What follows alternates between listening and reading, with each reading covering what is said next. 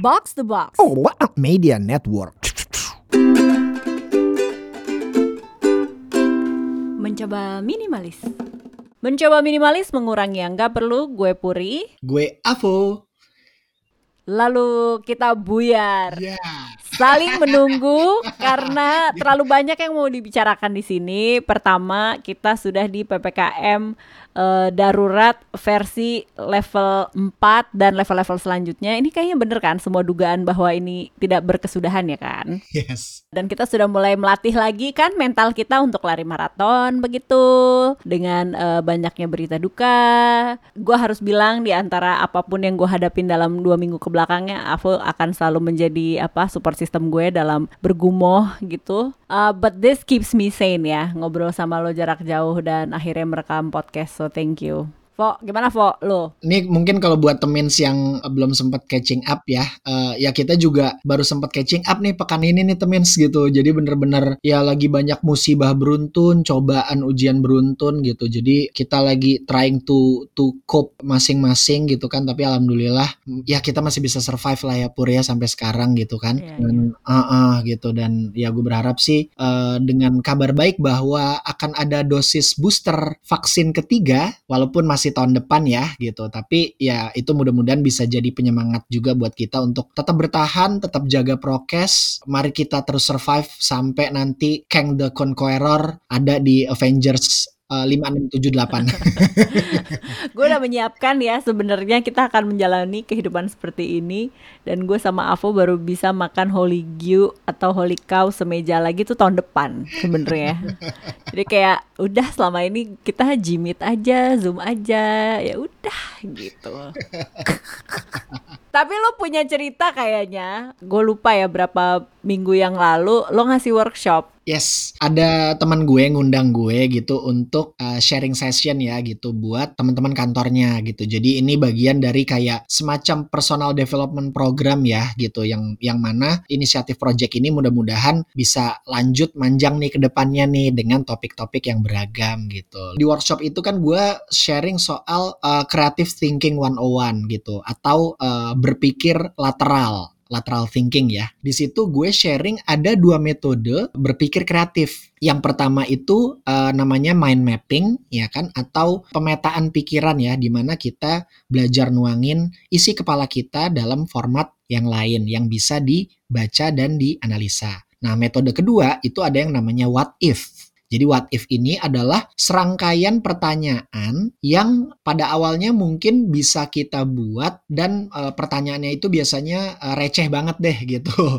Imajinatif tapi absurd gitu. Tapi lama-kelamaan nanti dari situ e, bisa evolving e, menjadi pertanyaan-pertanyaan yang e, sifatnya intriguing ya gitu dan bisa memancing inovasi. Di sesi sharing itu ada salah satu peserta yang nanya ke gue, gimana ya kalau pada saat kita lagi exercise nih misalnya, exercise what if, terus kitanya malah jadi overthinking gitu dengan what if what if yang ada. Nah, Nah, ini terjadi pada orang yang mungkin kayak gue ya. Kalau kita ngeklik eh, untuk keperluan riset sebuah link Wikipedia. Nah, di Wikipedia itu ada banyak tab-tab lain kan yang warna-warnanya biru itu. Terus dibuka, dibuka, dibuka, dibuka, dibuka, dibuka sampai dulu lo sempet inget cerita bahwa tiba-tiba kita jadi ngomongin alien versus scorpion gitu kan atau apa pun itu cowboys versus siapa itulah ya.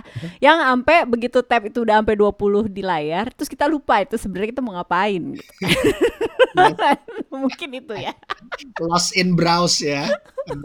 Eh, dari situ kan gue eh, berpikir bahwa kayaknya memang Temins perlu juga tahu nih Pur gitu bagaimana kalau meminjam istilahmu ya menavigasi gitu kan agar kita bisa memilah-milah mana yang memang sifatnya creative thinking atau critical thinking, mana yang sifatnya overthinking gitu. Karena kan dua hal ini sama-sama membuat otak kita bekerja lebih keras daripada yang biasanya ya gitu. Tapi impactnya itu bisa sangat jauh berbeda gitu. Jadi apa nih bedanya overthinking sama critical thinking dari yang lo tahu? Uh, overthinking menurut uh, Oxford Dictionaries, overthinking is to think about something too much or for too long. Jadi overthinking itu lebih ke uh, ketika kita memikirkan sesuatu kebanyakan dan kelamaan. Nah, itu overthinking tuh. Oke, gua akan kasih lo kasih tahu bener apa enggak ya. Ya. Tanda ketika ini bisa digolongkan sebagai overthinking. Oke. Jadi kalau kita nggak bisa tidur sambil mengulang-ulang adegan di kepala kita di masa lalu dan akhirnya ya udah kepikiran terus, terus lo mendadak insomnia, itu overthinking nggak? Itu salah satu tanda overthinking. Ah, dan ini dan ya. ini gue banget sih. dan ini gue banget sih. Jadi tidur, posisi rebahan, mata merem, tapi kepala tuh ibarat proses komputer tuh kayak uh gitu. Can relate, can relate. Terus apa lagi? Nah, terus biasanya ini suka mengulang percakapan yang udah dilakuin, ya kan? Percakapan sama orang atau obrolan sama orang itu di kepala gitu. Jadi waktu itu kalau gue ngomongnya kayak gini gimana ya? Ah waktu itu kayaknya gue harusnya nggak ngomong gitu deh. Harusnya gue ini dulu baru itu. Nah itu tanda-tanda orang overthinking tuh. Ini biasanya eh, banyak kejadian kalau lagi wawancara kerja atau mungkin lagi PDKT. ya impactnya memang sama ya kayak "Eh, ya kamu diterima gaji 10 juta oke ya saya oke terus besoknya masuk dia tahu temennya dapat 15 juta nah terus anda tidak bisa tidur dong hari berikutnya ya kan kenapa gue langsung bilang iya kenapa saya nggak pikir saya butuh satu hari untuk memikirkannya gitu Gemes antara tamak dan loba tapi gimana gitu ya. Eh, biasanya orang-orang yang overthinking itu eh, mereka tuh tidak berada di sini dan kini gitu. Jadi pikirannya itu kalau nggak ke masa lalu ya kan eh, rewind playback atau berusaha kayak forecasting gitu about what kind of things that might happen in the future. Udah kayak Mama Loren gitu. Tapi ya ini Mama Yukero. itu clearly tanda-tanda orang uh, overthinking gitu. Jadi kalau uh, meminjam ujarannya Reza Gunawan, masalah belum ada, masalah belum datang, tapi kita udah bayar lunas duluan, udah kita DP-in duluan di depan. Padahal masalahnya juga belum tentu kejadian. kebanyakan forecasting di weekly meeting ya salahkan itu oke lanjut Nah, yang jelas sih orang yang overthinking itu memang mereka itu uh, cenderung kesulitan untuk mengenyahkan perasaan khawatir gitu. Jadi Rano Parno terus gitu 24/7. Jadi perasaan uh, anxious itu ya nempel kayak pacet aja gitu kayak lintah di sawah gitu, nempel di kaki. Eh, itu baru impact ke diri sendiri ya sebenarnya si overthinking itu kan. Gimana kalau ternyata nih gue menemukan satu eh, sisi yang lain kalau overthinking ini kebablasan. Jadi nggak cuman perkara eh, kita kebanyakan mikirin ma- masa depan yang belum pasti atau mikirin yang telah lalu dan berwhat if ria. Kalau kebablasan overthinking ini bisa bikin orang kepleset bikin teori konspirasi. Nah, ini nanti linknya akan ditaruh di deskripsi episode bersama Babang Avo pastinya. Ya. Em, tapi sepakat dengan apa yang si Oxford Dictionary itu udah bilang gitu kan. Overthinking itu kita eh, nemu atau punya hipotesis tentang suatu hal tapi kita nggak tes masalahnya hipotesis itu. Yes. dan kemudian maksain semua bukti dan data biar sesuai dengan hal yang kita pikirin di awal tadi. Itulah yang disebut cherry picking data. Datanya ada tapi bagaimana lo mengkonklusikannya itu mungkin flow-nya tidak tepat. Makanya kan gampang sekarang kita berantem di medsos. Kita tuh sebagai society ya eh, tentang capres tentang tentang bumi datar tentang covid di covid kan gitu. Nah ini ada hubungannya. Gue boleh lanjutin nggak Vo? Jadi kan Yes. kita ngomongin overthinking dan eh, ternyata ada hubungannya dengan critical thinking gitu. Yes. belajar dari kita nggak usah bahas ini sekarang ya. Gue mengalami eh, kedukaan tuh dua, dua minggu ke belakang gitu kan bokap eh, mertua gue meninggal padahal udah fully vaxxed tapi pergi juga karena covid. Eh, beliau itu pergi tinggalnya kan di desa ya di rumah pensiun gitu. Mm-mm. di desa Loa kecamatan Paseh Kabupaten Bandung yang kalau ditanya jadi itu teh terkenalnya sama apa Puri terkenalnya sama Karto Suwiryo ditangkep di sana. Oh. kartu Suwiryo DITII kayak hmm, eh, gimana gimana? Gitu People call it Majalaya, but I think it's the outskirt of Majalaya. It's not even Majalaya gitu. Kayak lo tuh mengaku Bekasi, tapi anda tuh bukan Bekasi bahkan.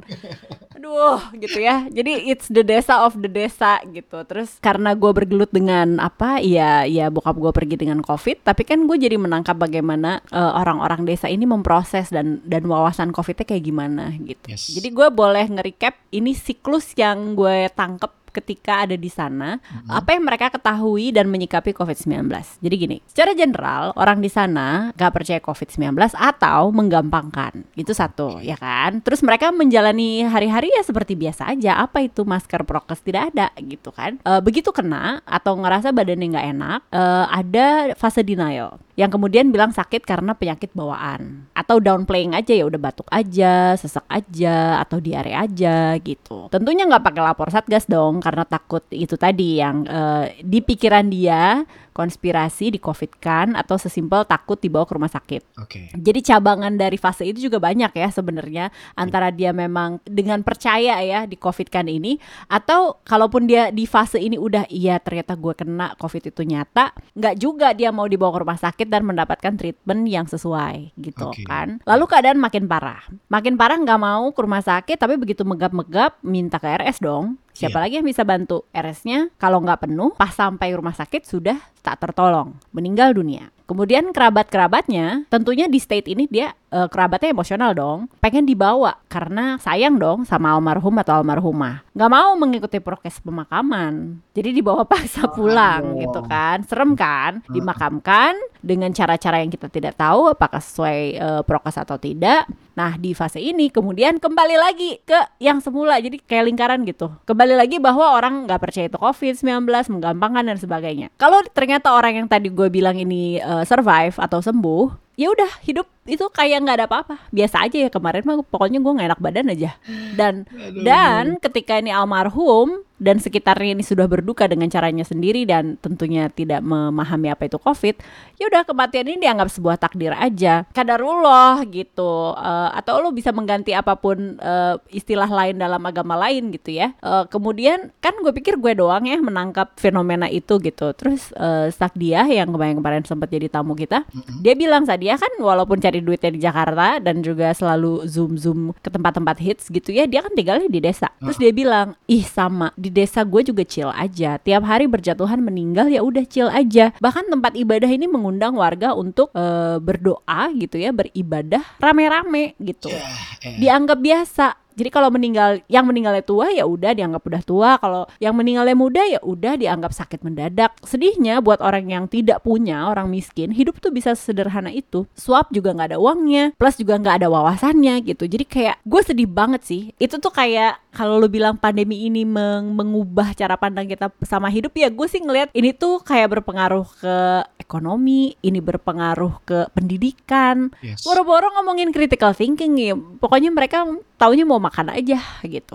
Cari duit, dapat duit, mau makan. Kalau dipanggil yang maha kuasa ya udah, itu mah itu aja caranya gitu. But you told me ada lima pertanyaan untuk men-challenge apakah eh, pola pikir kita tuh termasuk critical thinking. Yes. Apa tuh limanya? Definisinya kan critical thinking is the objective analysis and evaluation of an issue in order to form a judgment gitu. Jadi critical thinking itu ya lebih ke kerangka berpikir atau cara berpikir gitu ya untuk kita bisa uh, assessing uh, sebuah isu nih gitu. Karena kalau didengar dari cerita lu sendiri kan tadi juga kayak wow, ini bener-bener simple mind semua ya but not in a good way gitu ya kan simple mind society tapi kayak waduh ini sih bisa punah satu desa ini kalau begini caranya gitu ya Oh kan gue setuju banget. Yes, yes. Gue ngerinya juga gitu. Lo mau lihat potret bahwa ada orang mati satu persatu di rumahnya masing-masing gitu di sebuah desa kan ngeri ya. ngeri banget sih itu benar-benar bisa jadi ya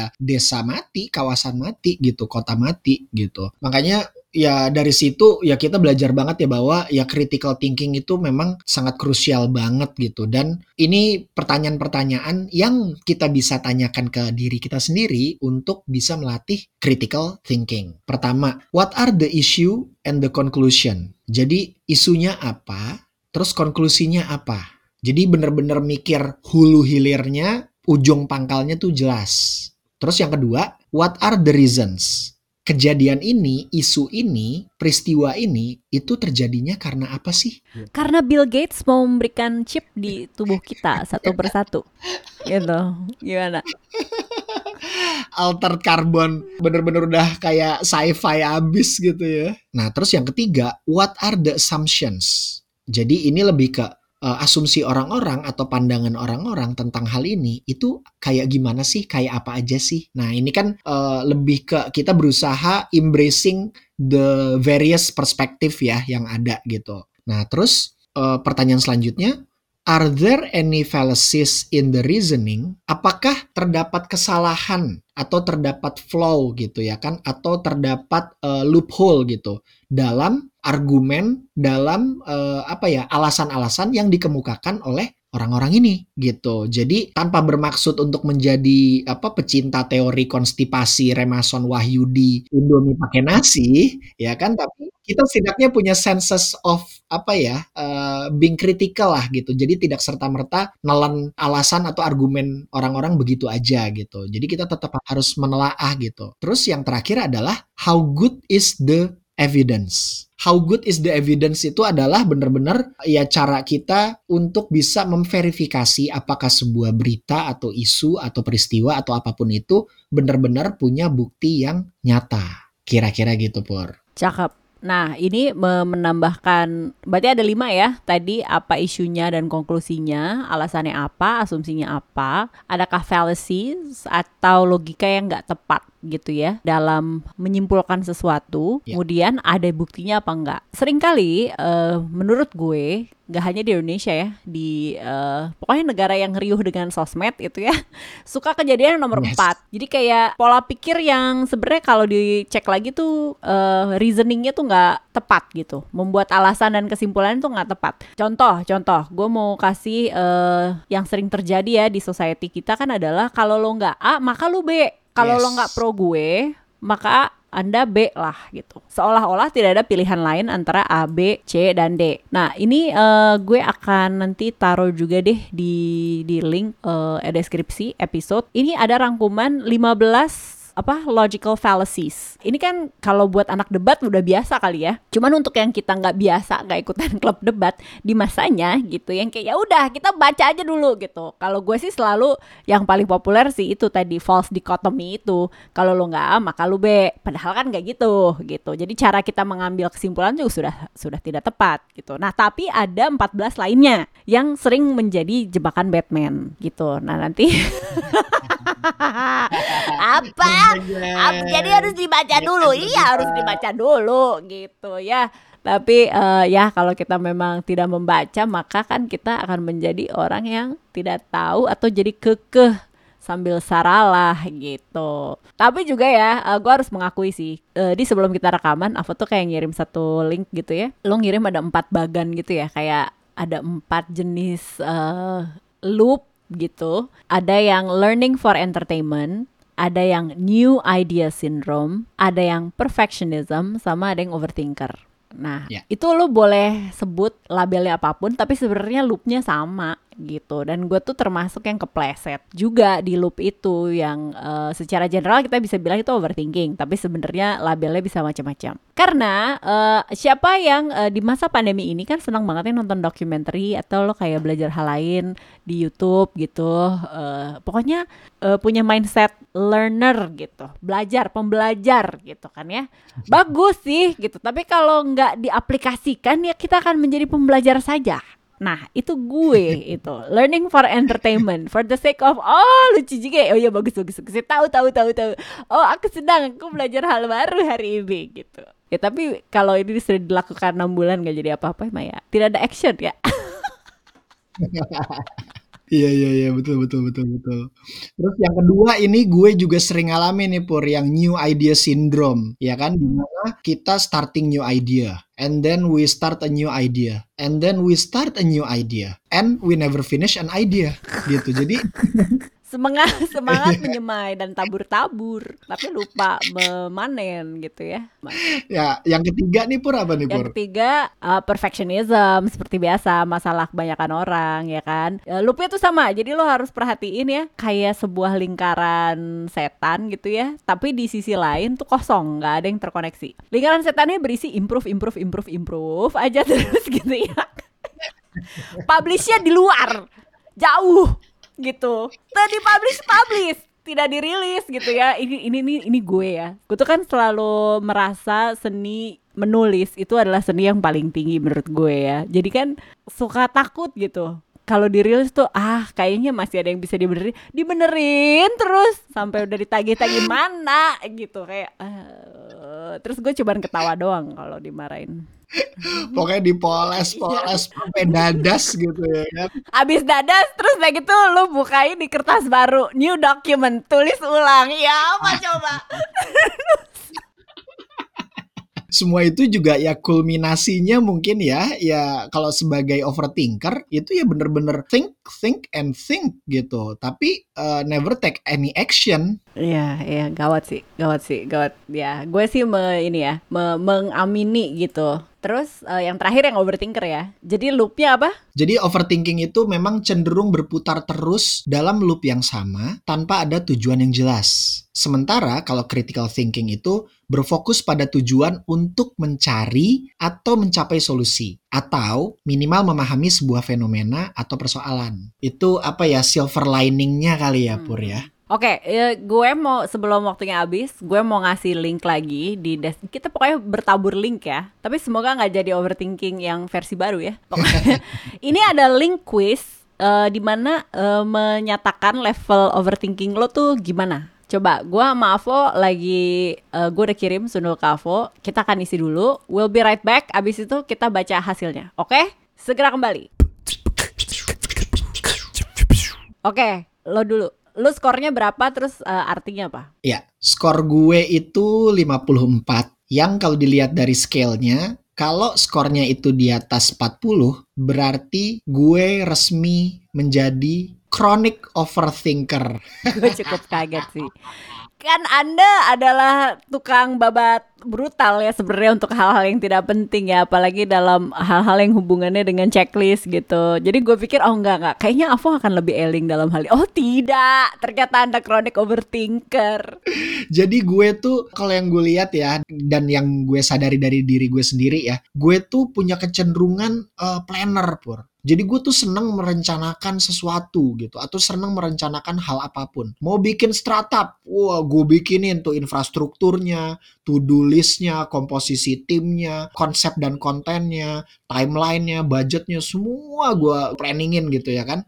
Nah tapi justru hal tersebut yang ya begitulah gitu. Bikin gue akhirnya jadi overthinker. di di link yang quiz ini ada beberapa tips juga ada link stop thinking so much sama stop uh, analysis paralysis sama breathing exercise. Gue tahu sih lu sudah melakukan breathing exercises, tapi siapa tahu bisa explore hal lain ya. Karena uh, sebuah teknik yang namanya vipassana itu cukup cukup membuat gue uh, kalau treadmill adalah buat badan, nah ini treadmill untuk overthinking gitu.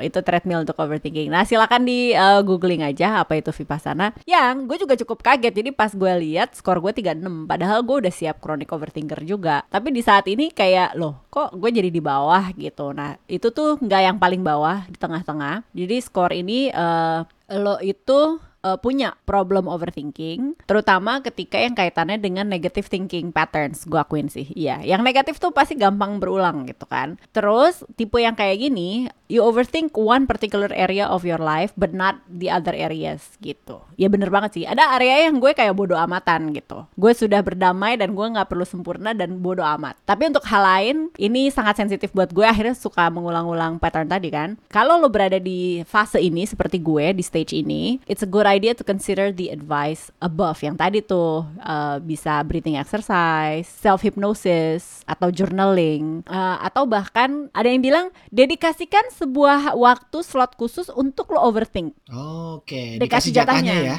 Jadi sehingga ketika lo ada tendensi untuk overthinking di luar waktu itu, lo bisa bilang ke diri sendiri adalah belum waktunya gue memikirkan itu karena gue punya jadwalnya. Dan sama halnya juga dengan critical thinking ya. Uh, si Afutami pernah bilang kalau critical thinking itu kan artinya kita mau berpikir sedikit lebih keras dan gak menelan suatu informasi dengan apa adanya gitu, melainkan dengan diproses dulu. Yang itu juga bisa dijatahin juga kali ya Pur ya. Iya benar. Tapi memang uh, di dunia yang jempol kita ber, berjalan lebih cepat daripada pikiran dan mulut kita ya kan, itu gampang plesetnya. Jadi emang gak harus semuanya direspon seketika sih. Ya kalau misalnya mau overthinking mah diterima aja dulu ya.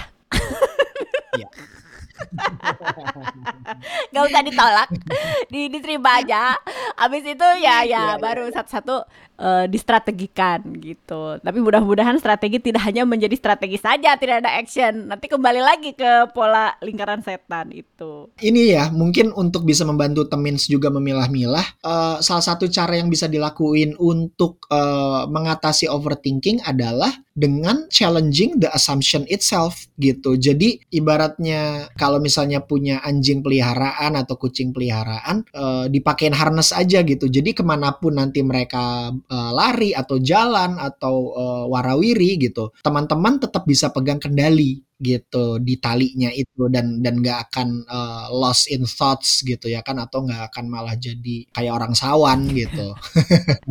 Kembali ya kata uh, apa Ibu Suri kita Mbak Diwin ya pikiran itu tidak bisa sepenuhnya dikontrol tapi bisa di manage. Iya, Kabar Rindu Badiwi nanti kita anda hadirkan lagi. Sama satu lagi, kalau lo adalah orang yang kayak gue ya, su suka penasaran gitu dengan uh, social psychology. Kenapa sih orang tuh gampang tersulut gitu, terus gampang dicerai beraikan dengan uh, politik dan agama? Ada buku yang bagus banget, namanya uh, gue gue yakin juga beberapa temen sudah udah sangat familiar karena ini bukan buku baru 2012, ditulis oleh Jonathan Haidt, uh, The Righteous Mind: Why Good People Are Divided by Politics and Religion. Ini nggak ngomongin politiknya, nggak ngomongin pilihan agamanya, tapi ngomongin uh, social in institution dan so social psychology di balik itu gitu. Jadi kenapa kita bereaksi seperti kita bereaksi? Nah, jadi marilah yuk kita sama-sama memberikan waktu ya kan untuk berpikir lebih pelan dan kita ngajuin berbagai pertanyaan tentang suatu isu daripada kita bereaksi secara terburu-buru terhadap suatu hal. Ngebet boleh, tapi jangan odop.